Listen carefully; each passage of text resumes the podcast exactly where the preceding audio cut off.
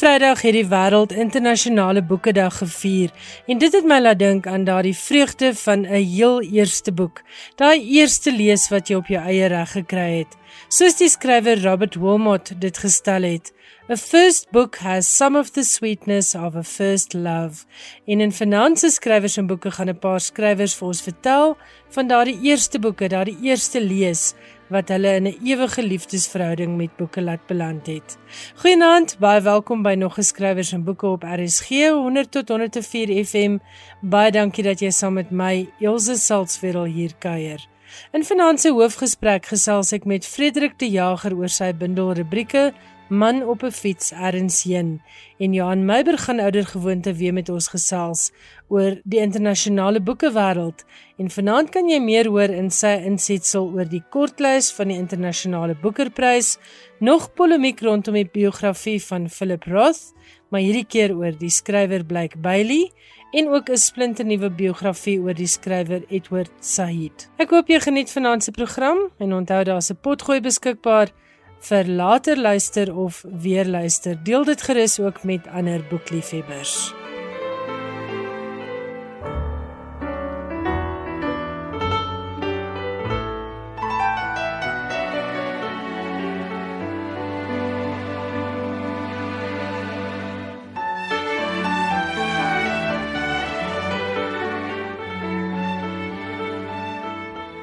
Rubrieke is een van my gunsteling genres, maar dis nie enige iemand wat 'n goeie rubriek kan skryf nie.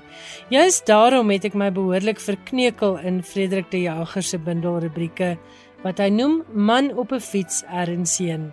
Die subtitel 55 stories van mense onderweg is dan ook 'n aanduiding dat Frederik hier na die mensdom kyk, maar jy sal dit maar self moet lees om te sien presies hoe fyn skets hy die mensdom. Ek gesels nou met Frederik de Jager, skrywer van Man op 'n fiets RNC.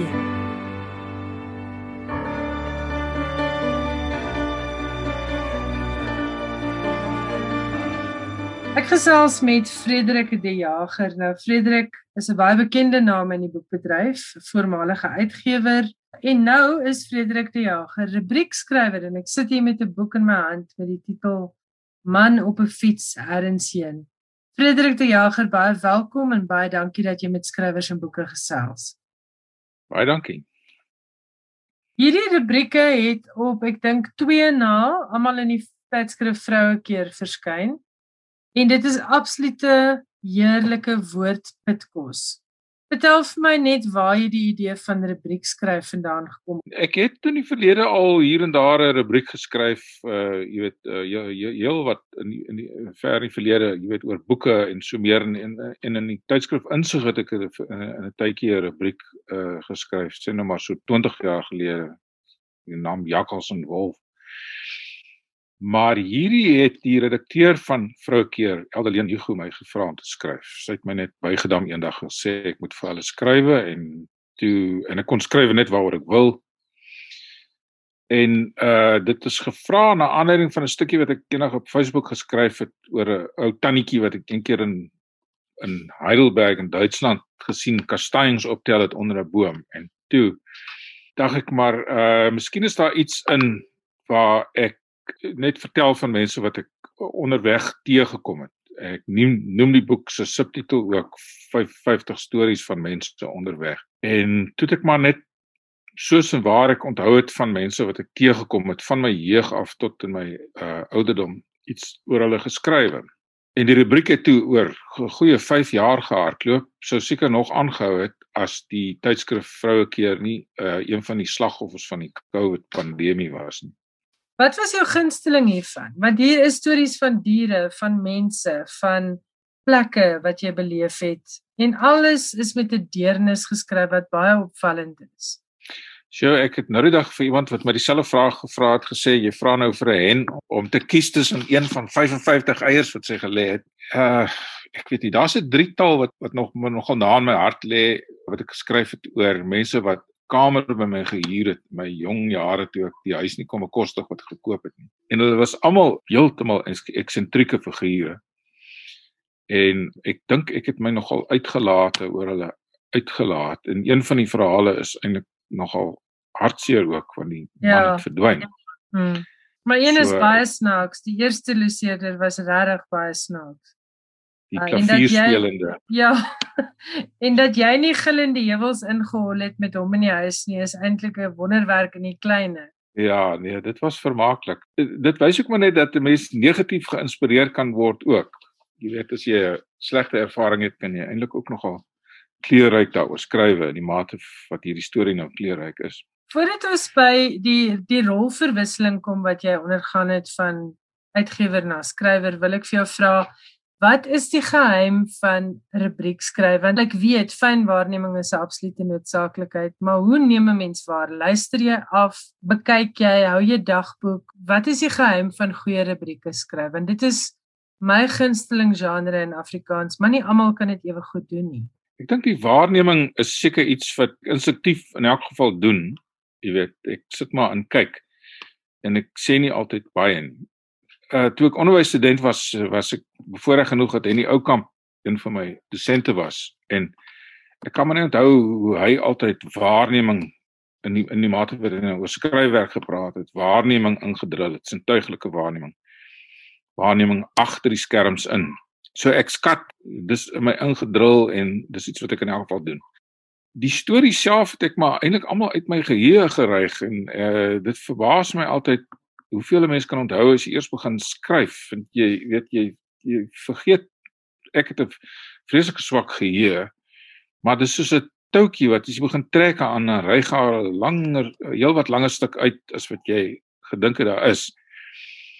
En uh op dieselfde manier het ek ook paar keer vir Eldeleen gesê ek hardloop nou uit mense uit waaroor ek kan skryf en sy sê nonsens man. En dit is waar. Ek het luister bygehou van mense wat ek dink onderwerp kan maak vir die stories. Nou jy weet 55 later is het ek nog 'n hele lang lys wat ek sou kon skryf as die tydskrif aangehou het. Maar jy het ook gevra van wat maak goeie uh rubriek skryf. Die kortformaat is 'n wonderlike hulpmiddel. Uh dit was 750 woorde en jy kan natuurlik meer as dit skryf nie want dan vloei dit oor die bladsy. En daardie dissipline het 'n geweldige groot uh uh dis 'n dwang maar dis ook 'n hulp om jou te fokus sodat jy by die essensiële hou en dat jy die ding by 'n uh, 'n puntige punt uitbring aan die einde. Wat my opgeval het van hierdie bundel en ek ken jou as mens maar jou jou skryf Afrikaans het ek eintlik ooit voorheen so goed geken nie. Ek het dit ook in die vrouekie raak gelees maar om 55 verhale op een slag bymekaar te sien en te lees het my laat besef hoe 'n mooi uh keurige Afrikaans en interessante kleurvolle Afrikaans jy skryf. Is dit maar van al die jare se uh bemoeiing met boeke en met skrywers en ook met het dit te doen met jou werk as uitgewer? Jou werk as ja. gewese uitgewer, laat ek liewer so ja. sê. Dit het maar met al daai dinge te doen. Ek dink ek is van ek 'n kind was verlief op taal en veral verlief op Afrikaans en ek hou nie van vervelige skryfwerk nie. Ek hou nie van vaal, sielose skryfwerk nie. Indien enigiets uh, sondig ek na die verkeerde kant toe en ek het al hartslae gekry daaroor as ek nou te bloemryk skryf. So ek is ook uh, baie bewus daarvan dat ek myself moet inhou om nou nie te begin laf raak nie. So iewers ter in die middel is daar nou seker wat jy nou genoem het um kleur kleurryke taal. Maar ek ek ek doen baie moeite met skryf. Ek skryf verskriklik swaar en ek skryf stadig aan 'n paragraaf. Want dit is omdat ek uh die heeltyd nie wil vaal skryf nie. Jy weet, ek wil iets op 'n interessante manier skryf. En dis seker my straf dat ek so sukkel omdat ek uh soveel jare met skrywers en hulle boeke gewerk het en hulle probeer aanhits dit om uh, jy weet hulle taal interessant en onderhoudend en skoon korrek. Ek bedoel nie suiwer Afrikaans nie. Ja, want jy sal sien in die boek gebruik ek baie Engelse woorde as jy geleentheid om daarvoor aandoen. Ek is nie bang daarvoor nie, maar ek bedoel maar net dat mens met jou taal dit is tog jou instrument waarmee jy werk is uh as jy skrywe en jy moet daar mooi mooi daarmee werk. Nee, jy was 'n baie goeie uitgewer, dit kan ek vir die luisteraars sê en ek is uh, ek weet daar's baie baie skrywers wat onder jou hande absolute glanspersoonlikhede geword het met hulle skryfwerk. Wiese boeke het jy uitgegee uh sommer nou as jy uit die face uit kan dink? Sjoe, ehm um, Chris Barnard, Marlene van die Kerk, Marita van der Vyver, Dion Meyer, ehm um, Eben Venter. So luisteraars ja, luisteraars kry 'n idee hierdie man weet van van boeke en van skryf. Maar Frederik, die rolle uitgewer is een ding, skrywer is 'n ander ding. Jy het nou bietjie daarin geraak dat skryf vir jou nogal moeilik is. Maar die ek wil amper sê die mental oorgang tussen die twee rolle. Het jy jouself gevang dat jy baie uitgewer speel terwyl jy skrywer is? Ja, jy weet ek dink ek het hierdie boek eintlik net reg gekry omdat ek nie agtergekom het ek skryf 'n boek nie. Ek jy weet die goed is geskrywe met 'n ander doel en nou bymekaar gesit. Uh want die geïnternaliseerde redakteur is 'n vreeslike ding. Hy vreet my sinne op so gou as wat ek hulle geskryf kry. En uh dis nog 'n rede waarom ek weet stadig skryf en swaar skryf en ek is nie die enigste wat met daai soort probleem gesit het nie. Baie skepende mense word aangetrek tot die uitgewersbedryf maar hulle uit die kreatiwiteit sukkel dan as gevolg van die van die werk wat hulle moet doen. Jy weet daar's goeie voorbeelde, Charles Fryer, briljante en ontsettend talentvolle digter wat net een digbundel uitgekry het. Daar was Bertha Smit met wie ek nog 'n bietjie saamgewerk het. Sy sou 'n baie groter output kon gehad het as sy nie die uitgewerswerk wat sy gedoen het by Tafelberg nie. Petra Grieter was was losser verbinde aan Tafelberg. So sy was lekker produktief, maar ek dink Meld Meyburg is nog iemand wat baie talentvol is, maar ehm um, hoeveel bundels het Meld nou al gepubliseer? Een dink ek, ek weet nie van meer is nie. Ja, dit is een en, en, en en toe word hy uitgewer en toe hy nie tyd om self te te skep. En, en dis ek wat hom aangestel het, so ek, ek is skuldig. maar uh ja, ek wil nou nie, jy weet, mense vir my argument aan hulle hare bytrek nie, maar uh ja, dis twee rolle wat nie heeltemal lekker by mekaar sit nie. Daar's 'n Engelse skrywer met die naam Diana Attill. Sy was by baie sterk uitgewery vir dekades en sy was redakteur van 'n hele rits Nobelprys wennende groot groot skrywers en sy het uh, na aftrede en na tot in 'n ouderdom tot in haar 90's het sy uh toe boeke geskryf wat ontsettend suksesvol was. Maar ek dink dit kos miskien aftrede voordat 'n mens by skryf kom. Ek wil vir jou ook vra oor die skryfskole wat jy aanbied. Jy is bekend vir die skryfskole op Lesbos waar jy eintlik woon, maar jy is nou al sedert die inperking in die Wes-Kaap en jy het nou ook al 'n skryfskool wat daar aangebied. Wat het jou op die idee gebring van skryfskole? Is dit maar jou agtergrond in die uitgewersbedryf?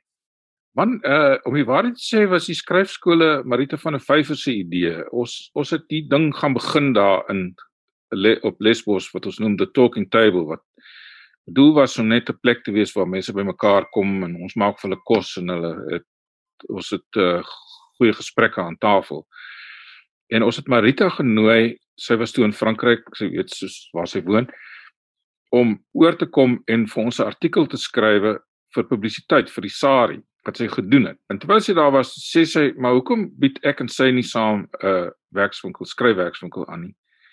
Ons het albei uh, verskillende agtergronde uh, wat na dieselfde ding toe voer en dit sou 'n goeie kombinasie kon maak. En ons ken mekaar al al die jare.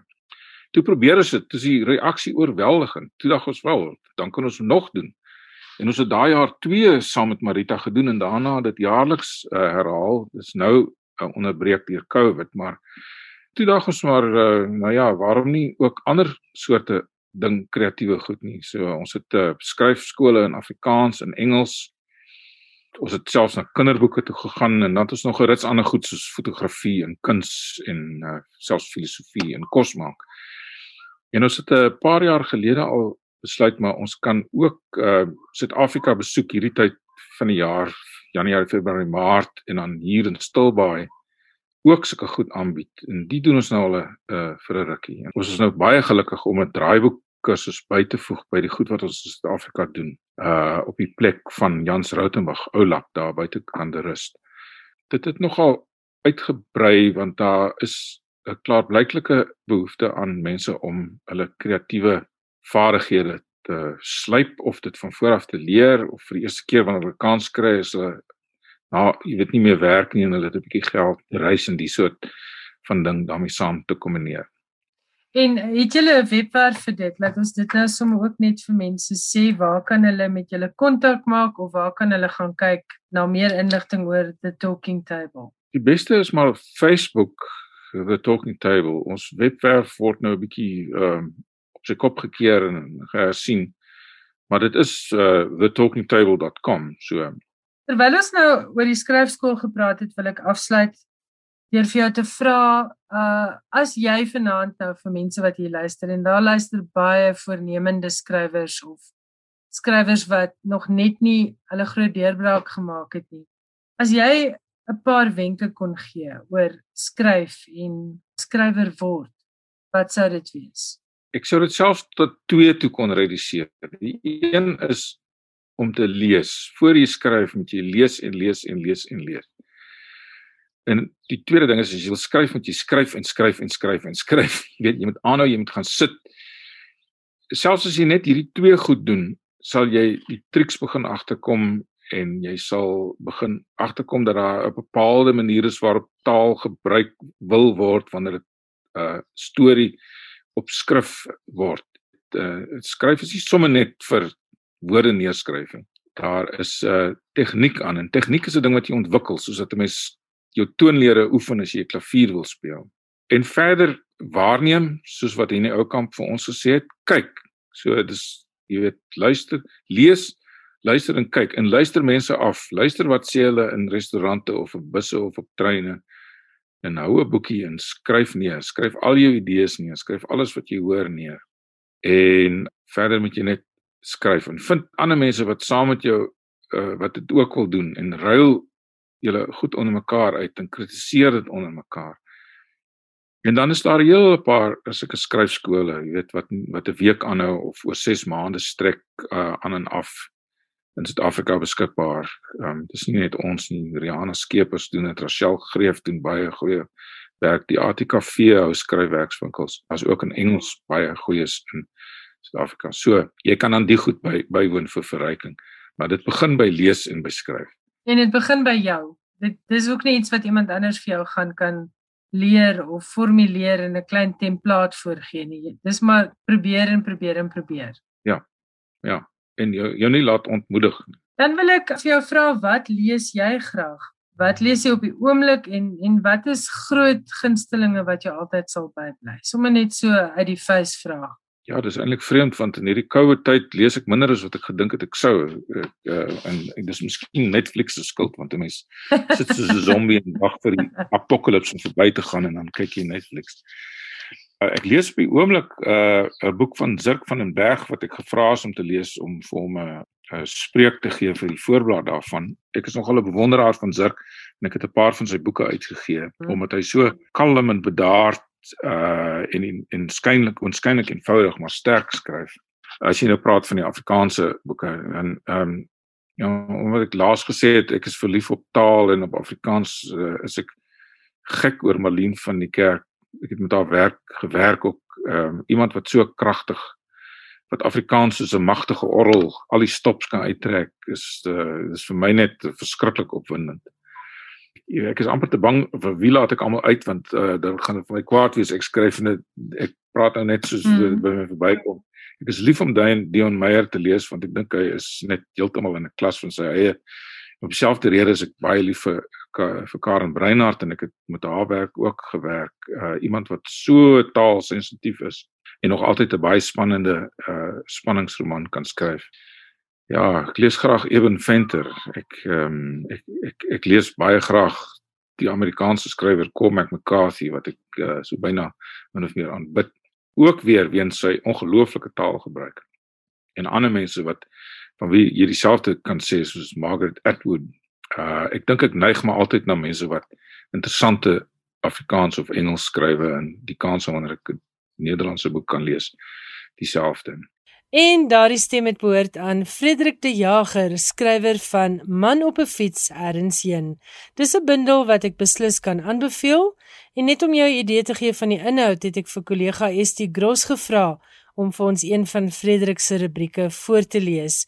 Hier is Estie met Frederik de Jager se pragtige vertelling wat hy noem Tot lof van stadig.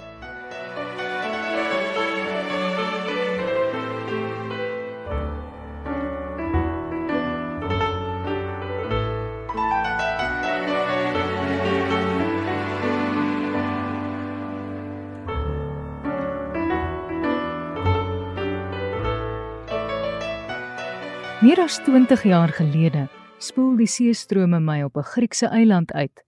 Ek het 3 maande daar gebly. Die lewe was eenvoudig. Ek het 'n kamer gehad met 'n bed en 'n kas en 'n stoel. Ek het geloop waar ek wou wees of die bus gevat. Byna elke dag het ek dieselfde eenvoudige maar vars kos geëet. Niks het my gejaag nie. Ek dink nie ek het ooit van tevore soveel vervulling ervaar nie. Terug in Suid-Afrika het ek gevind dat ek baie stadiger motor bestuur. In my vorige lewe het ek gejaag. Ek sou nie 60 ry as ek 120 kon ry nie en nie 120 as ek met 150 kon wegkom nie. Waar het al die spoed heen verdwyn? Enkele jare tevore as ek in Johannesburg voorgekeer oor ek die huurkarretjie op die stadige deel van die M1 verby die spoedgrens gedruk het. Dit was aand. Die verkeerspolisieman was simpatiek. Ek het gesê ek was van die Kaap, daar op besigheid en ek was bang want ons baas is pas die vorige dag gekaap en hospitaal toe geslaan. Hy het my die verpligte boete uitgeskryf en gesê skryf jou rede aan die verkeersafdeling. Ek het en is die boete vrygeskeld. Die spoed, verstaan ek agterna, het gekom van iets wat my jaag. Of dit iets in my verbeelding was en of dit werklik was, kom nie daarop aan nie. Elke stad in die wêreld het hierdie uitwerking op mens. Die rentmeesters jaag jou, die ongedane werk jaag jou en daar agter is dit jou baase wat jou jaag. Die verwagtinge van jou sosiale kring hap na jou hakskene met skuim in die bek. En jou eie ambisie sit jou in 'n doodloopsteeg agterna met 'n mes wat in die straatlig glim. By alles wat jou sonder ophou in Suid-Afrika vervolg, is daar genoeg kommer en egte vrees vir jou lewe. In Griekeland was dit alles weg. As my visum nie my verblyf tot 3 maande beperk het nie, het ek langer gebly. Maar ek moes terug. Gou het ek weer begin spoed optel. Toe ek weer sien, trap ek die lepel weg met my rug hol, my oë groot en my frons diep. So was dit tot ek die diep platteland gaan opsoek het. Ek sou net gaan kuier in die Oos-Vrystaat het 2 weke het 2 jaar geword. Ek wou nie weer daar weg nie. Elke dag het op sy eie tyd aan die gang gekom. Die natuur het voorgeskryf. Daar raad en voelgesang het opstaantyd beteken. Die dag het deur sy loomure gekraak in die sinkdak, geloei saam met die melkkoeie in die straat, gedreun in die herkenbare toon van iemand se motor 'n straatblokke ver. Saans Sonder 'n goeie TV-sein waardeur die demone van die wêreld toegang tot jou huis kon kry, was bed toe gaan na sononder die natuurlike weg. Boekomblaai en die rustige asemhaling van die honde was die klanke van die aand. Uil naby, jakkals ver. As jy buite op jou rug in die gras lê, sou die sterre en die krieke oor alles eensstemmig wees. Ek het 'n jong plaasie vir 'n erf gehad Daar was 'n voortuin en 'n sytuin met rose, rye vrugtebome en 'n hoenderkamp agter. Die vry grond het ek omgespit en 'n 7x7 tree groentetuin aangelê. Kom die somer, skiet die kakiebos in elke omgekeerde en elke onbewaakte stuk grond op. En dis waar oubaas Abraham vir hierdie storie van belang word. Die dierbaarheid self, geurig van houtvuur en tabakrook. 'n man in wie se hande jy jou lewe kon plaas. So lojaal soos jou oudste vriend. Hom vra ek eendag om vir my die kakiebos uit te roei terwyl ek binne voor die rekenaar sit en brood verdien. Toe ek na 2 uur gaan kyk hoe dit vorder, het hy skaars 'n paar tree skoon gemaak. Ek sien hom daar, heep diep in die kakiebos, so stadig soos 'n trap soekies beweeg. Hy hou 'n bossie kakiebos so teertjies soos 'n pasgeborene in sy hand. Hy loop in slow motion na die onkruidhoop en sit dit versigtig daarop neer. Mens kan nooit genoeg leer om jou voortvarendheid te bedwing nie. Ek het nog lesse gemakkeer, want ek kom al hande swaaiend daar uitgevlie en eis verduideliking hoekom op hierdie droewe aarde hy so stadig werk. En hy sê, maar as hy vinniger werk, val die saadjies uit die koppe en dan is daar volgende jaar nog meer kakiebos. So eenvoudig soos dit. Baie dankie Estie Gros. Estie het vir ons Frederik de Jager se verhaal tot lof van stadig voorgeles en dit kom uit sy bundel Man op 'n fiets ergens heen. Dit word uitgegee deur Protea. En ek dink uh paas en maas sal baie daarvan hou met dit dat Moedersdag en ook Vadersdag om die draai is. Jy luister na skrywers en boeke, jou belangrikste bron oor Afrikaanse boeke. Die 23ste April is jaarliks Wêreldboekedag, 'n dag wat vanjaar ook weer in meer as 100 lande gevier is en waar tydens die fokus geval het op die vreugde van lees en boeke. Ek het so 'n paar skrywers gevra om te vertel van daardie eerste kennismaking met boeke. Wie het hulle geleer lees? Wat het hulle eers gelees? En ook hoe dit gelei het tot wat hulle nou lees en skryf. Ek onthou die diep indruk wat die heel eerste boek wat ek op my eie gelees het op my gemaak het. Dit is nou na daardie prenteboekies van my kleuterdae. En ek het dit beskou as my eerste regte egte boek wat ek gelees het.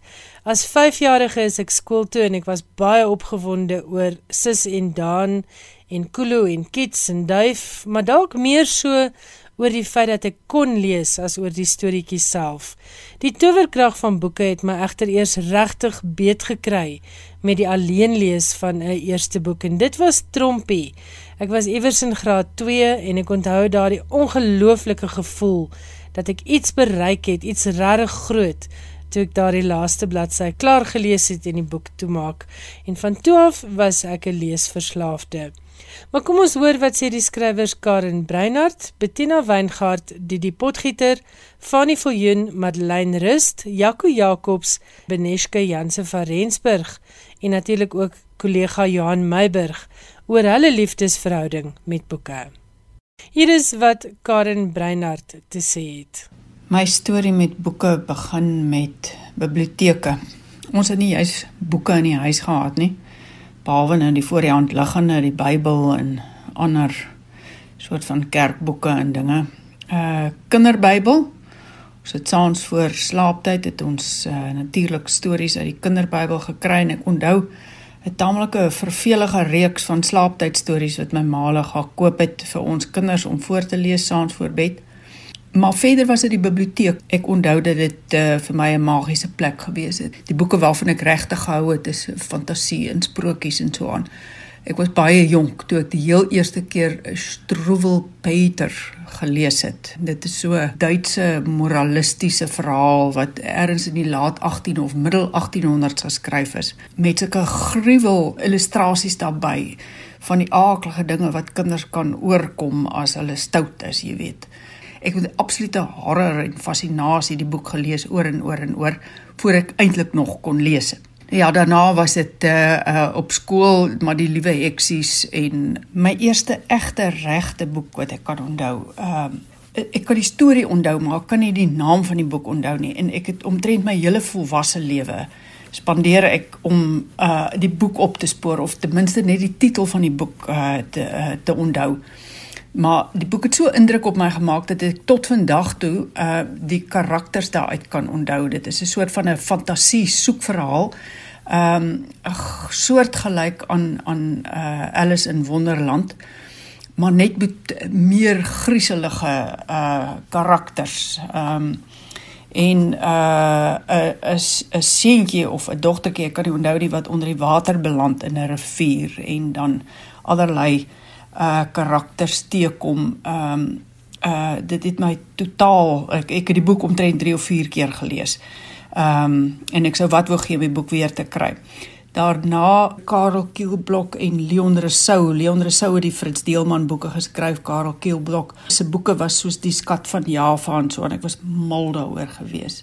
Van kleins af was ek lief gewees vir spanningsverhale, uh spanning in enige vorm of dit nou geskiedkundige of uh wetenskap fiksie is, maar oor die algemeen gewoon net spanningsverhale. Ek lees dit nog steeds die heel graagste as ontspanningsverhale. Inspanning vir ontspanning. Dit was Karen Breinhardt. Kom ons hoor wat sê Bettina Weingart.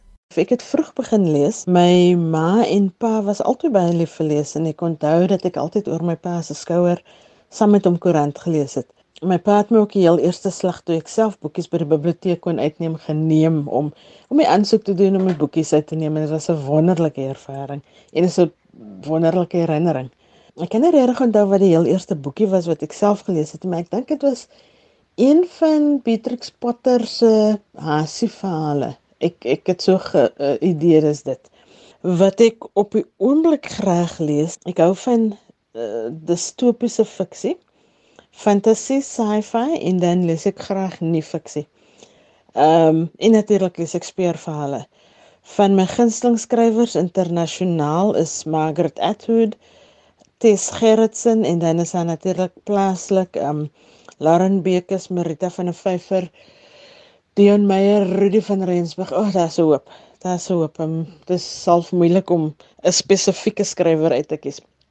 Maar wat ek ook deesdae vind is dat kortverhale en gedigte my aandag beter vasvang en daar's natuurlik klompie klompie digters en skrywers daar wat wat um interessant is.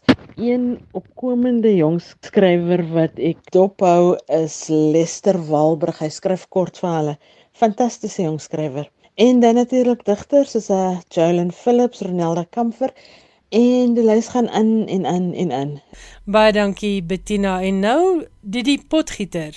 Vir so lank as wat ek kan onthou was lees en boeke deel van ons huishouding en ons dag tot dag rotine. Ons het vakansies gelê en lees en dit was ons ontspanning. Dit was soos om Sondag kerk toe te gaan, 'n gewoonte waaroor ons nie eers nagedink het nie. Ons het maar gedink almal is so. My ouma het 'n groot boekrak gehad en my ma het 'n groot boekrak gehad en ons was gereeld biblioteek toe. So boeke was altyd vrylik beskikbaar.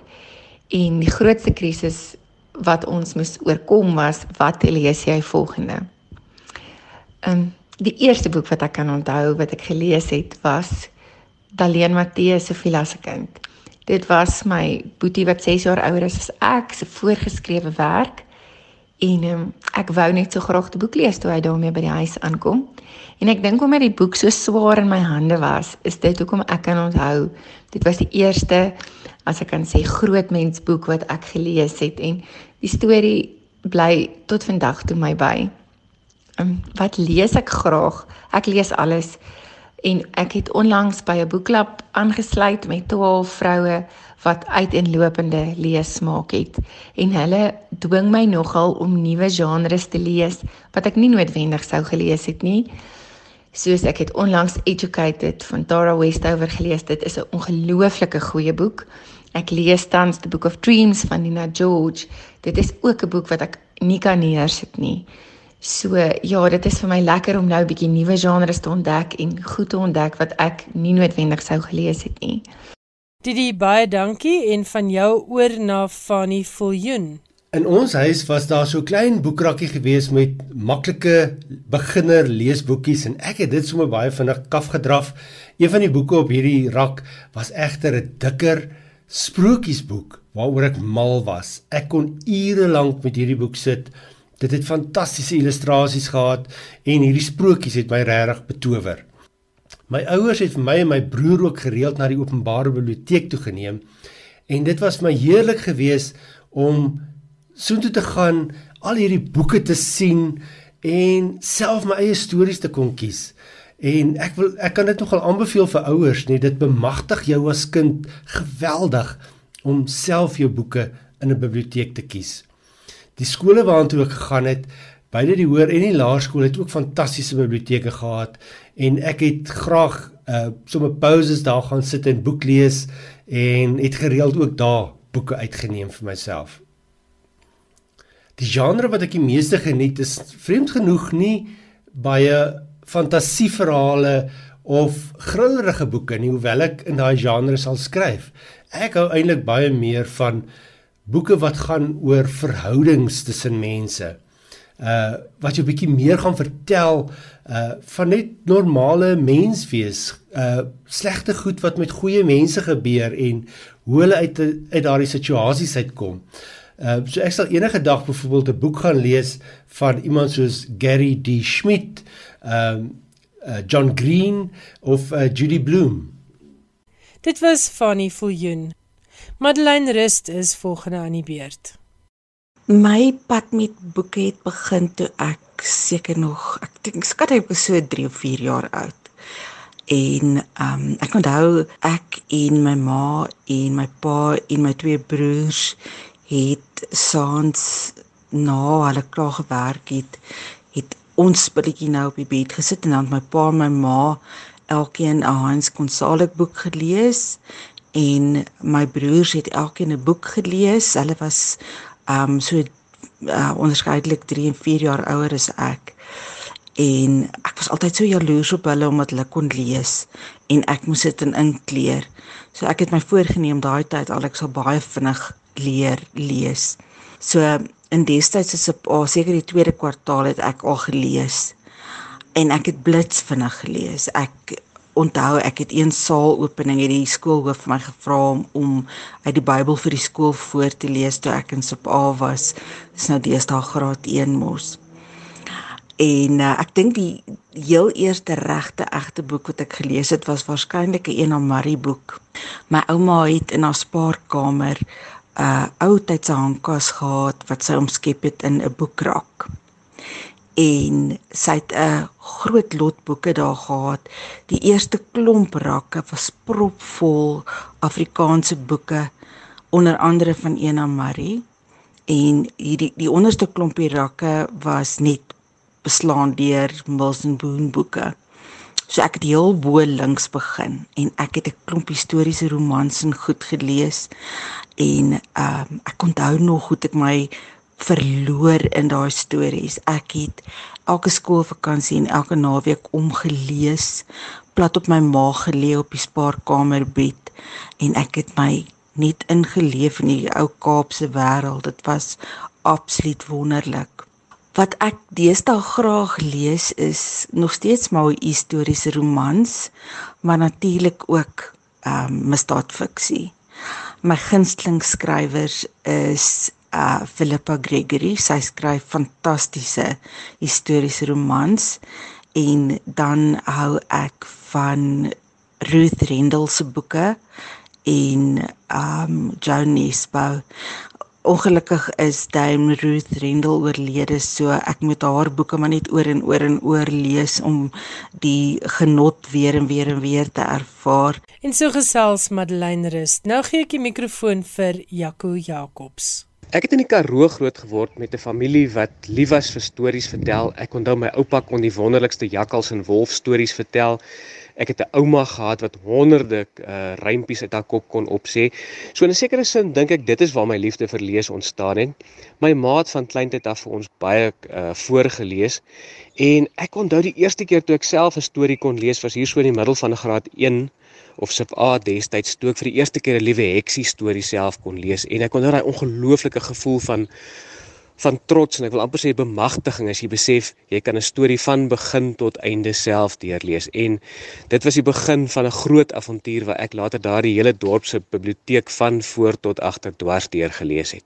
Ek het nogal 'n eklektiese leesmaak en ek lees in verskeie genres enige iets van kinderboeke tot ernstige literatuur, maar ek moet sê wanneer ek lees vir ontspanning, geniet ek dit ongelooflik baie om in die gruwelgenre te lees. Ek dink dit was een van die genres wat my kleintyd ehm um, verslaaf gemaak het aan boeke. So dis so half my skuldige plesier en uh as daar 'n nuwe Stephen King boek op die mark is, moet ek sê kan ek nie daarbey verbygaan nie. Na Jaco Jacobs, kom ons hoor wat sê Beneske Janse van Rensburg daar uit die Kaap. My eerste boeke waarna ek blootgestel was as 'n jong kind was heel moontlik geweest die reeks van Jap Snoet. Ons het dan so klap behoort en dan ons elke elke maand is daar nou so 'n pakkie gewees in die pos en as jy dit oopmaak dan is dit nou hierdie Jap Snoet boekie.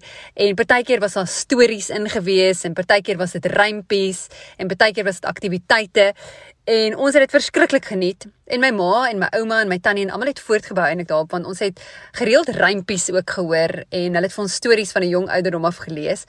En eintlik wat gebeur het is ons het 'n liefde vir taal ontwikkel as kinders. Um en later jare het my ma ook vir my meer geloofstories begin vertel. En ek dink dit het miskien ook 'n baie groot rol gespeel op wat ek vandag doen en die tipe boeke wat ek skryf ensovoorts want my boeke wat ek skryf is meestal ware verhale van mense, insidente wat hulle beleef het, ehm um, hoe hulle geloof gegroei het as gevolg van dit waardeur hulle gegaan het. So ek dink die die feit dat ek daai fondasie gehad het by my huis van 'n jong ouderdom af het, het regtig nog 'n rol gespeel later in my lewe ook. Die tipe boeke wat ek geniet om te lees, ehm um, ek hou van biografieë. Ek hou daarvan om te lees wat iemand anders deurgegaan het. Ehm um, jy weet hulle hoogtepunte, hoe dit hulle gevorm het as mens. Baie dankie Beneske Janse van Rensburg. En ons sluit af met Johan Meiburg. Ek was sewe toe 'n klein verse boek van die Opperman as geskenk gekry het, min wetend dat daar ook 'n groot verse boek is. Dit ek later, ek vermoed op hoërskool onder oog gekry En nou ja, toe was die koel deur die kerk. As ek lees vir ontspanning, is daar niks wat by 'n roman kom nie. 'n um, 'n goed aan mekaar gesitte, goed geskryfde, verbeeldingryke roman is net um, die wonderlikste genre om jou in te verloor. En dit was dan Johan Meiburg wat gesels het oor sy eerste boeke en daardie eerste wonderlike leeservaring. In daardie insetsel het jy die stemme gehoor van Karen Breinhardt, Bettina Weingart, Didi Potgieter, Fanny Viljoen, Madeleine Rust, Jaco Jacobs, Beneske Janse van Rensburg en Johan Meiburg. Skrywers en boeke. Alles wat jy oor die boekewêreld wil weet en meer. Ons bly by Johan Meiburg. Hy gaan vir ons die program afsluit met nuus oor die internasionale boekewêreld.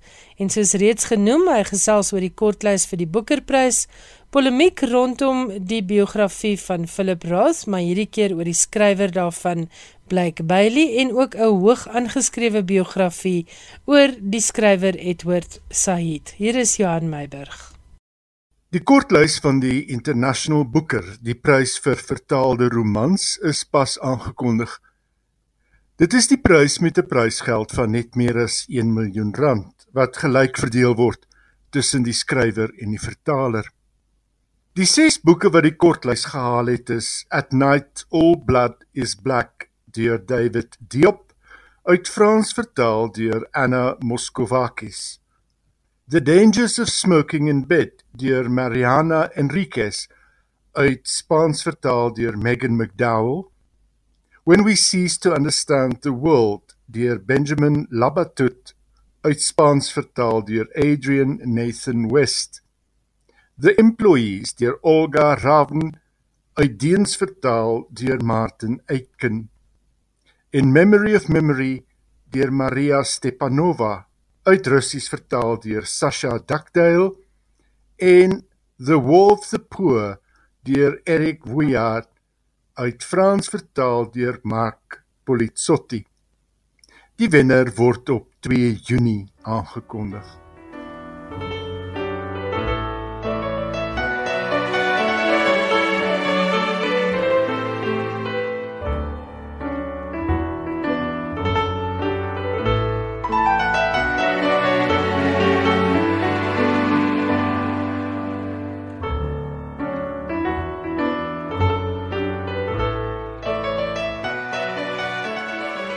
Die debakel rondom Philip Roth se amoreuse lewe was verlede week nog in die nuus, gekoppel aan die biografie wat pas oor die gevierde Amerikaanse skrywer verskyn het.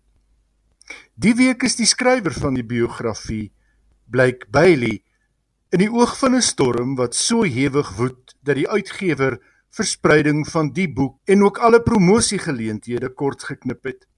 Bailey word beskuldig van seksuele teistering en misbruik van vroue.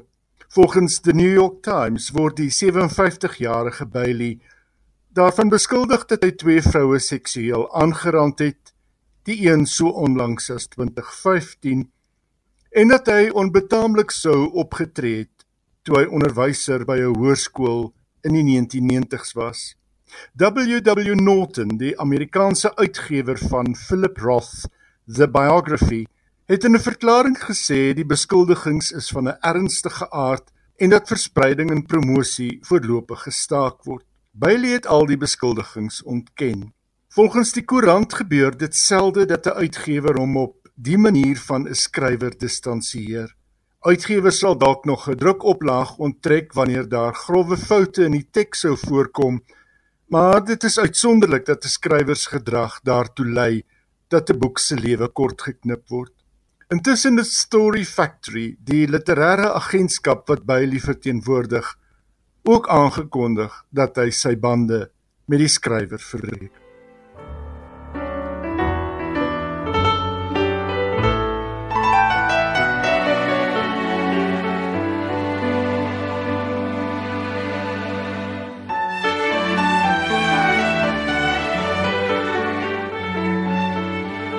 Oor Edward Said het daar ook pas 'n biografie verskyn. Said wat in 2003 op 67 dood is, was waarlik die beliggaaming van wat 'n openbare intellektueel sou wees. Die biografie Places of Mind is geskryf deur Timothy Brennan, 'n vriend en student van Said. Brennan het 'n noue voeling met die Said familie aan die boek gewerk en hy het ook onderhoude gevoer met 'n verskeidenheid vriende en kollegas van Said. Hy het toegang gehad tot Columbia se argief, die universiteit waar Said sy lewe lank klas gegee het. Duidelik is Brennan se belang nie in Said se private lewe, sy huwelike of verhoudings nie. En fokus hy sy energie op die lang skadu wat Said gegooi het en steeds gooi as denker en doener.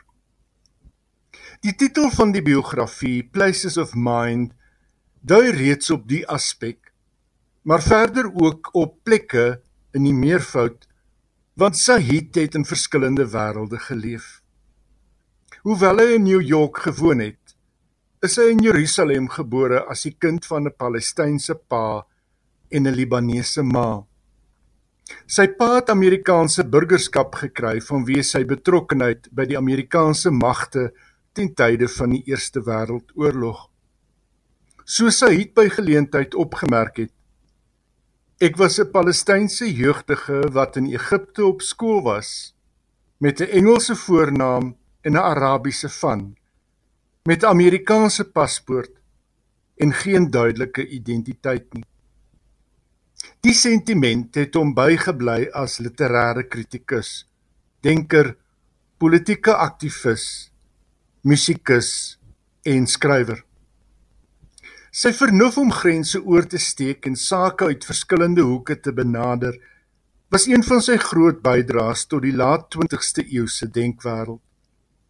Sy verkenning van imperialisme en eurosentriese denke onder meer soos verwoord in Orientalism van 1978 is steeds 'n dominante stem in gesprekke oor postkolonialisme. In 'n resensie in The Guardian is Brennan geloof vir sy vermoë om reg te laat geskied aan die menigte fasette van Said en dat hy dit telkens terugvat na die besonderse mens wat Said was. Brennan bied in sy biografie iets van 'n padkaart aan die hand waarvan 'n mens Said kan lees, lui die resensie. Een van die fasette was musiek. Saam met sy vriend Daniel Barenboim het Said in 1999 die Wes-Oos Divan Orkees gesetel in Seville in Spanje begin en elke jaar in die somer 'n groep jong musisië van Israel, Palestina en Arabiese lande byeengebring om musiek te maak en mekaar beter te leer ken. Vir die werk om begrip tussen mense van verskillende nasies te bevorder, het Barenboim en Said in 2002 die Prins van Asturias prys ontvang. Said het 12 jaar lank leukemie gehad en is in 2003 in New York dood. In die onderhoud waarna ons nou gaan luister, praat Sahid met Charlie Rose 2 jaar voor sy dood oor sy siekte, maar veral oor sy wilskrag en die rede waarom hy wil voortgaan met die lewe en van bru wat nog oorgesteek kan word. First, how are you, how are you feeling? How's your health? We, well, you're hanging in there. Hanging in there. Yeah, just sort of barely. well, it's not, it's tough. It's yeah, tough. it is yeah, tough. It is. Yeah, Yeah. it's a daily battle. I mean, you know, the energy is always drained. Yeah. And I'm waiting for a, a new treatment now um, because I've exhausted all the old ones. You know what they say? We, can talk about this as much as you want to or yeah, not want sure, to. yeah. I mean, they say. I mean, I would assume if you have a life-threatening illness, Yes. you know, you live with the idea of holding on because you do not know, with medicine proceeding as fast as it is, what's around the corner. Absolutely not. And you have to really, I think, uh, I mean, you, the will counts for, I would say, most of it. Do you think so? Absolutely. Oh, there's- I, I'm a living You example. know. Yeah, no, no, absolutely. And I think uh, just uh, the enjoyment of life and the more you feel anchored in life, as opposed to, you know, a lot of people who get ill want to be invalids before their time. But I think the most important thing is to keep the work up uh, as much as possible and to live uh, every day without a thought for the future. I mean, if a new day dawns and you can get through it, that's a bonus. And of course, the most important thing is to have a good doctor. There's no substitute for that. Good no. I mean, yeah, who's, a on, good, who's on the cutting edge of on knowing the cutting edge, and whom you, you- if you have a chronic illness, Yeah. you have to see a lot of it. You know, I've been with my doctor now for almost nine years. Yeah. So you know, it's uh, somebody you develop a lifetime relationship with, and that's it, it's it's it's it's crucial. There's no way of uh, underestimating that. And you you don't feel the need to look around. You don't need the uh, you don't. I don't feel anyway that I have to look at alternative you, treatments. you don't, you don't need seven. You don't need seven, seven different opinions. no, either. no, no, not at all. I gave that up a long time ago, and I don't look around for miracle cures. I mean, there's a lot of that going around. Yeah. Quacks who feed on people for that. You're not going to fly Uh, off to no, some foreign no. country and, and, some. and the good thing about my doctor is that he's he's also an intellectual. He he understands what I do, and his main concern is to give me as much uh, quality in my life as possible without you know undue sort of interventions. Although I've had a lot of treatment. I mean, a huge amount of treatment. Now, what, what your illness is? leukemia. Leukemia. Yeah. And so it's what chemotherapy or what? Yeah, I've had everything. I've had chemotherapy. I've had radiation. I've had um, monoclonal antibody. I've, I've had experimental treatments, and I mean the, the conventional treatments don't work on me anymore. I have a very kind of stubborn uh, form of it. Will makes a difference. Well, I think so. Yes. Will, Does your will- doctor believe that? Oh, absolutely. I mean, you know, it's if, if you're fighting the doctor in the sense that he's trying to keep you alive and you're trying to sort of rest or sink back, uh, you know, then you're at cross purposes. Whereas if you're, if you both feel that you're in the thing together, I think that makes a lot of difference. Yeah. You don't give up because Well, there are things that matter a lot to me. Uh, you know, I mean, work that I want to do. Uh, you know, the stuff that I write is important to me. Uh, my students, uh, you know, the Family. causes, family, of course, families. I would say first, but the other things, you know, my the, the causes that interest me. Uh, now, for example, in the present crisis, I mean, one of the things that really tremendously bothers me is this sense of a tremendous gap between the world I come from and grew up in and the world I live in now. And that what's is- the nature of the gap? Well, the gap Other I than think, economic. Oh no, I think the gap is much more than that. It's it's cultural, it's political, it's you know just sort of uh, t- two different. Uh, not really worlds, but they're just two sets of expectations, many, many sets of expectations, and languages that have very little in common, different value. All can be bridged, in my opinion. I, I, in other words, I don't think the crisis is simply a crisis of misunderstanding. I think that there is a lot that can be done by people who are familiar with both cultures and both worlds, and that can, you know, can interpret one to the other. I think that's been very, very lacking.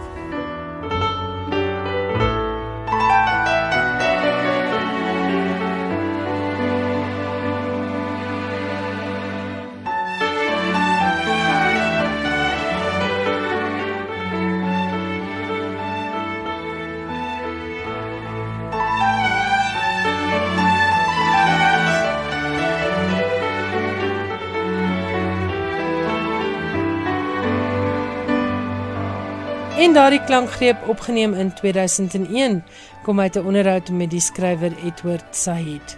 Dit was dan Finanse skrywers en boeke. Ek hoop jy die program geniet en dat jy weer volgende Woensdag aand om 8uur saam met my en Johan Meiburg sal kom kuier voor die radio. Geniet die res van jou aand en onthou RSG is steeds 24 uur per dag op die lug om jou te vermaak, in te lig en geselskap te hou. Bly dus gerus ingeskakel. Tot volgende week, lekker lees, lekker luister en pas jouself en jou geliefdes mooi op. En onthou, hierdie rowwe tye sal ook verbygaan. Totsiens.